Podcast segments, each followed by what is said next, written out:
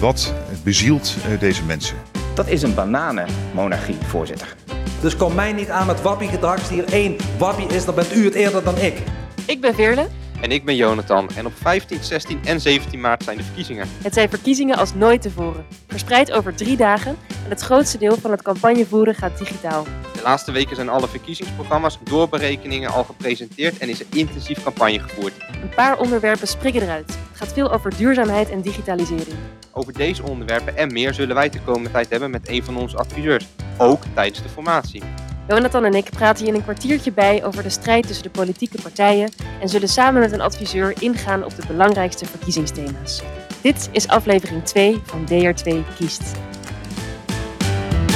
Welkom bij de podcast van Dreugen en van Drimmelen. Mijn naam is Veerle. Mijn naam is Jonathan en ook vandaag gaan we je in een kwartiertje weer meenemen langs een van de belangrijkste thema's van de verkiezingen. Vandaag is het thema duurzaamheid. Wat speelde er allemaal deze week op het gebied van duurzaamheid, Jonathan? Ja, duurzaamheid uh, komt uh, meer en meer naar voren. Um, je ziet gewoon in de verkiezingen dat het toch wel een, uh, een, een, thema is. In de debatten komt het veel naar voren. vorige week maandag rond deze tijd kwamen de doorberekeningen naar buiten. En dat is toch voor de partijen een belangrijk moment. Niet elke partij liet het doorrekenen? Niet iedere partij liet het doorrekenen, maar dat kan, dat kan ook een strategische keuze zijn geweest. Ja, waarom het eigenlijk gewoon belangrijk is, is om te zien, ook voor de formatie straks, het idee wat je hebt qua beleid, hè, waar je verkiezingsprogramma op hebt geschreven, gaat dat effect sorteren. Daarvoor zijn die doorberekeningen heel belangrijk. Maar het zijn ook verkiezingen, het is campagnetijd, dus het is voor partijen ook de ideale mogelijkheid om iets uit die doorberekeningen te halen. En daarmee uh, de hoort op te gaan. En dat op de, het is een campagne die zich nu heel veel ook op de socials afspeelt. In coronatijd uh, is dat een plek waar politieke partijen toch hun kiezers proberen te bereiken. Ja, dan kun je perfect iets eruit halen. Dat in een leuke snippet zetten, een infographic zetten en dat, dat naar buiten brengen. Maar er is in ieder geval heel veel aandacht voor. Je ziet het ook gewoon, je ziet veel dat er veel posts over worden gedaan. We zagen het ook recent eh, in ons eigen verkiezingsdebat. Uh, misschien heeft u als luisteraar ook wel gekeken. We hebben recent een verkiezingsdebat georganiseerd met ons kantoor in Brussel. Ja, klopt. Daar was het thema Europa, omdat er ook deze verkiezingen wat te verkiezen valt over Europa. En ja, welke rol vinden de partijen eigenlijk die Nederland zich moet aanmeten ten opzichte van Europa? Meer of minder Europa? Welke besluitvorming leggen we in Europa? En ook op duurzaamheidsgebied worden heel veel beslissingen eh, in Europa genomen. En uh, ja, dat, daar zijn we ook over in gesprek gegaan. Uh, die staan ook op YouTube. Dus voor de, de luisteraars die denken, nou dat vind ik leuk om even te bekijken, zoek Dreug van Drimmelen op op, uh, op YouTube en dan, dan kun je ze nog terugkijken. Ja, maar we zitten hier vandaag niet alleen voor Europa, maar ook voor duurzaamheid. En we zitten aan tafel met partner en senior adviseur Marieke van der Werf. Marieke is expert op het gebied van duurzaamheid, circulariteit en de economie van de toekomst. Hoi Marieke, hoe gaat het? Nou, het gaat, uh, het gaat goed met mij. Ja? Ja, um, ik hou het allemaal wel vol, uh, mm. coronatechnisch. Fijn om nu weer eventjes uh, aan een hele grote tafel bij elkaar te zitten. Ja, precies. Um, maar um, ja, ik ben heel blij dat ons werk gewoon door kan gaan. Ja, ja, ik ook. En de afgelopen weken hebben we natuurlijk heel veel debatten gezien. Hoe vind je dat klimaat en circulariteit aan bod is gekomen in de debatten van die afgelopen weken? Wat zien we? Nou, kijk, eventjes dit. Als het gaat om duurzaamheidsonderwerpen, echt de grote ecologische uitdagingen, dat zijn er eigenlijk drie. Dat is biodiversiteit, dat is het behoud van grondstoffen, ofwel circulaire economie, en het is de energietransitie, om het mm -hmm. klimaat goed te houden. Daarvan uh, is voor het eerst een van de drie onderwerpen nu echt helemaal inzet van de campagne, en dat is klimaat. Dus dat is ja. mooi. Dus dat is winst. En dan uh, hoop ik de volgende keer dat circulaire economie erbij komt. En maar biodiversiteit, het hangt ook allemaal met elkaar samen. Uh, maar het is in elk geval winst dat nu uh, klimaat zo hoog op de agenda staat. Maar ja, die andere twee onderwerpen ook wel liever terug willen horen komen. Ja, ik denk het wel, hebben we nodig. Ja. En de samenhang tussen circulaire economie en klimaat is uh, tweeledig. Aan de ene kant door het recyclen en het in het systeem houden van materialen heb je minder CO2-uitstoot nodig om weer nieuwe materialen te maken. En uh, we hebben die materialen hard nodig om bijvoorbeeld windturbines of zonnepanelen te maken. Dus het hangt volstrekt met elkaar samen. Het een kan niet zonder het ander, maar we praten tot nu toe alleen over het een. Het heeft allemaal elkaar nodig. En in hoeverre is een circulaire economie uh, nodig om die klimaatdoelen te halen? Hoe zou je dat omschrijven?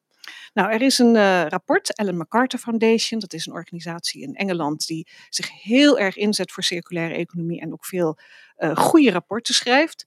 Uh, zij hebben becijferd dat als je nou kijkt naar 2050, stel dat het dan gelukt is om 100% CO2-neutraal te, te opereren, dan zeggen zij, ja eigenlijk via al die maatregelen die we nu nemen op energiegebied, wordt 55% gehaald. En de overige 45% die halen we uit circulaire economie. Door producten gewoon uh, te hergebruiken, door eenvoudiger producten samen te stellen, zodat ze ook weer makkelijk uh, uit elkaar te halen zijn. Zodat we dan niet meer naar nieuwe stoffen uh, hoeven te delven, wat ook steeds ingewikkelder wordt en met veel klimaatoverlast gepaard gaat. Het hangt dus heel erg samen. En wat ik net zei, we hebben die materialen nodig. We hebben um, metalen nodig om installaties te maken voor duurzame energie. Ja, en die zijn schaars, die zijn bijna op. Ja. Dus we zullen wel moeten recyclen. Moet gewoon circulair. Ja. Jonathan. Marika, wat is een, uh, een mooi voorbeeld van circulaire economie die we in Nederland uh, al hebben en wat echt als een voorbeeld kan dienen? Wat je ziet is dat, uh, of het nou gaat om een, uh, om een te televisieapparaat of om een, een, een stuk um, een, een, plastic verpakking, dat die weer terugkomen uh, als uh, zoals plastic. En dat kan weer ingezet worden in, in nieuwe verpakkingen, in, in nieuw plastic. Um, maar ook dat uh, onderdelen van, of het nou zijn kopieermachines, printplaten, televisietoestellen, dat die ook weer hun weg vinden naar naar nieuwe.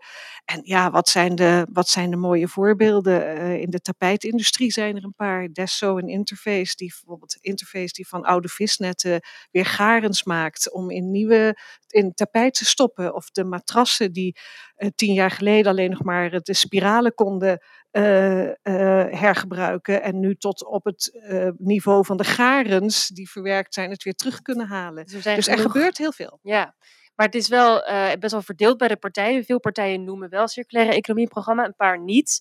In hoeverre belemmert dat die transitie? Um, nou, wat ik merk, uh, toevallig heb ik vorige week zelf een de verkiezingsdebat voor mogen zitten over uh, circulaire economie. En wat je daarin merkt is dat toch wel veel eensgezindheid is over het belang van het behoud van uh, grondstoffen. Meer nog dan bij de energietransitie wordt ook hier gezien dat het ook echt een heel economisch belang is. Dat komt nu ook wel bij energie. Maar als je als bedrijf geen grondstoffen meer hebt, ja, dan, dan houdt het op. Ja. Um, en wat ik vond is ook de partijen die het dan misschien wat minder prominent in het programma hebben staan, toch wel zich ervoor inzetten. En um, wat je ziet gebeuren is dat wordt gekeken van uh, de energietransitie is eigenlijk verder dan de grondstoffentransitie. Dat wordt doorgerekend. Waarom wordt de circulaire economie niet doorgerekend in de verkiezingsprogramma's? Ja. En waarom? Enig idee? Um, omdat het uh, nog niet, uh, het is nog niet gepol uh, gepolitiseerd, lijkt ja. het wel. Op, op het gebied van klimaat kun je je onderscheiden als politieke partij. Ik moet zeggen, ik heb vastgesteld dat op het gebied van circulaire economie het, men, het, veel meer met elkaar eens is. En dat hebben we gewoon nodig. Dat is wat mij betreft nieuwe politiek. Mm -hmm. Maar misschien dat het daarom ook minder prominent naar voren komt. Hm, interessant, is ook misschien een kwestie van tijd voordat dat meer naar voren komt eigenlijk. Ja.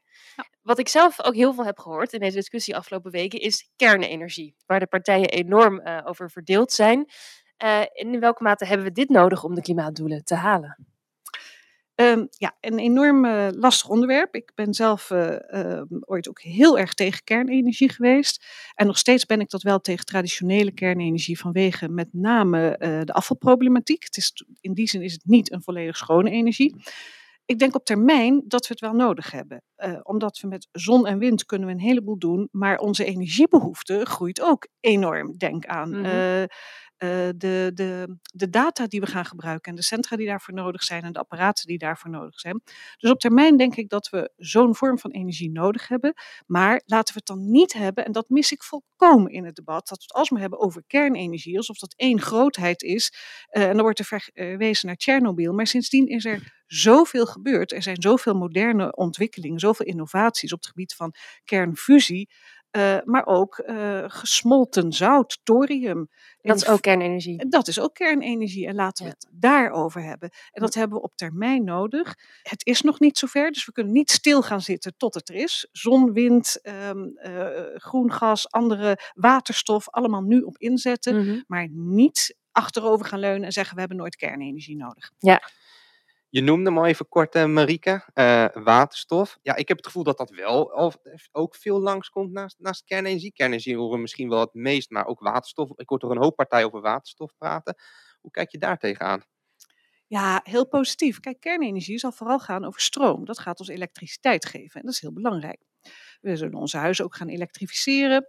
Ehm, en dat kan makkelijker schoon op dit moment dan met gas. Maar gas is een hele belangrijke energiedrager. Gas geeft ons niet alleen warmte en moleculen. Gas leidt ook, uh, het maakt het ook mogelijk om stroom in op te slaan of stroom te transporteren. Nou, daar komt waterstof om de, om de hoek kijken. Mhm. Op dit moment hebben we aardgas. Ja. Ehm, dat is ten opzichte van steenkool nog wel schoon, maar het is een fossiele eh, brandstof. We hebben groen gas, dat zouden we tijdelijk kunnen inzetten, ehm, gemaakt uit eh, organische reststromen. En waterstof is de toekomst. En dan heb je nog blauwe waterstof, je hebt groene waterstof, maar uiteindelijk zullen we eh, naar groene waterstof toe gaan. Maar we beginnen met groen gas dan eerst. Dat denk ik wel, dat is al voorhanden. Dat moet ook groeien. Dat zegt het klimaatakkoord ook. Eh, we hebben mest, we hebben slip, we hebben nog heel veel onbenutte reststromen. Hè. Dat zijn Mhm. echt de natte reststromen. Ik praat even niet over hout, hoewel houtafval ook kan. Maar het, het zijn vooral die natte reststromen waar we heel veel van hebben. Mhm. Die, daar kunnen we slim mee omgaan door ze om te zetten in groen gas. Dat kun je bijmengen in het gasnet. En daarmee maak je het gasverbruik groener. Ja. Nou, als je dan ook steeds meer gaat bijmengen met waterstof, ja, op een gegeven moment heb je, heb je dan eh, een gasnet waar waterstof doorheen gaat. Er zijn wel een paar aanpassingen voor nodig, maar we hebben al een deel van de infrastructuur liggen. Die ligt er al. En is Nederland daarin een, ook een voorloper op de rest van Europa? Ik denk dat we wel voorloper zijn op het gebied van die prachtige gasinfrastructuur. En dat geeft ons natuurlijk wel een goede uitgangspositie. Eh, als we dan ook nog eens een heleboel windmolens hebben op de Noordzee, kunnen we met die duurzame stroom kunnen we groene waterstof maken. Dus een hele goede uitgangspositie. Oké, en vind je dat we ook als Nederland die rol op ons zouden moeten nemen als voorbeeld, eh, als koploper in Europa? Eh, ja, dat denk ik wel, maar we moeten ook nooit een echt te grote broek aantrekken. We zullen ook samen moeten werken en dat, hè, gewoon, je, moet, je moet dit Europees aanpakken. Eh, als er landen zijn waar het beter kan, moet je niet zeggen van nou, nee, maar dat moet binnen onze grenzen. Ja. Heel klein voorbeeld, windenergie ehm, eh, zou je bijvoorbeeld ook in, in, in eh, het Oostblok, waar heel veel ruimte is, in Roemenië, Bulgarije, daar zou je kunnen bouwen. Dan Mhm. moet zo'n land wel zelf aan zijn doelstellingen voldoen. Nu doen die landen dat ook, beter dan wij. Is dat zo? Dat is zo, maar Ja. zij hebben allemaal waterkrachtcentrales Ja. ook. Dus dat scheelt. Eh, daar zou je met Nederlandse subsidie, met Nederlandse bedrijven, eh windparken kunnen bouwen. Mhm. Maar dat staat de, heeft de huidige Kamer geblokkeerd. Van Europa mag dat. Men zegt nee, het moet in ons land. Nou, ik, vind dat je het echt veel groter Ja, moet zien. dus samen moet werken. Samen moeten werken binnen Ja. Europa, zeker. Vind je ook dat dat nu te weinig naar voren komt, die mogelijkheid om zoiets in Europa aan te pakken? Dat we te veel nu in verkiezingstijd naar ons eigen landje kijken, om het met alle respect te zeggen? Ja, ik snap dat wel, want het gaat natuurlijk over Nederlandse eh, verkiezingen. Maar ik vind dat, eh, dat de energietransitie is zo groot. Je moet oog houden voor het feit dat eh, misschien als je hier een heel streng beleid gaat voeren, dat bedrijven of activiteiten in het buitenland dan juist meer CO2 gaan uitstoten. Dat moet je zeker meerekenen. Ehm, en eh, je moet ook kijken, ja, weet je, zonne-energie, ik ben een groot voorstander, maar er zijn gewoon landen waar meer zon schijnt. Dus Precies, daar moet je we gebruik daar, van maken. eh, slim mee omgaan. Ja. Ja. We gaan al richting een afsluiting. Eh, nou, ik ben nog wel benieuwd naar één vraag. Ja, nee, eh, stel hem, stel hem zeker nog. zo. We hebben nog wat tijd. Veel partijen willen windmolenparken op de Noordzee. Dat zijn een soort energie-eilanden. De Noordzee is een hele gewilde plek, ook qua vaarroutes, visserij, eh, defensie. Is er wel genoeg ruimte hiervoor? Is het realistisch, al die windmolenparken op zee?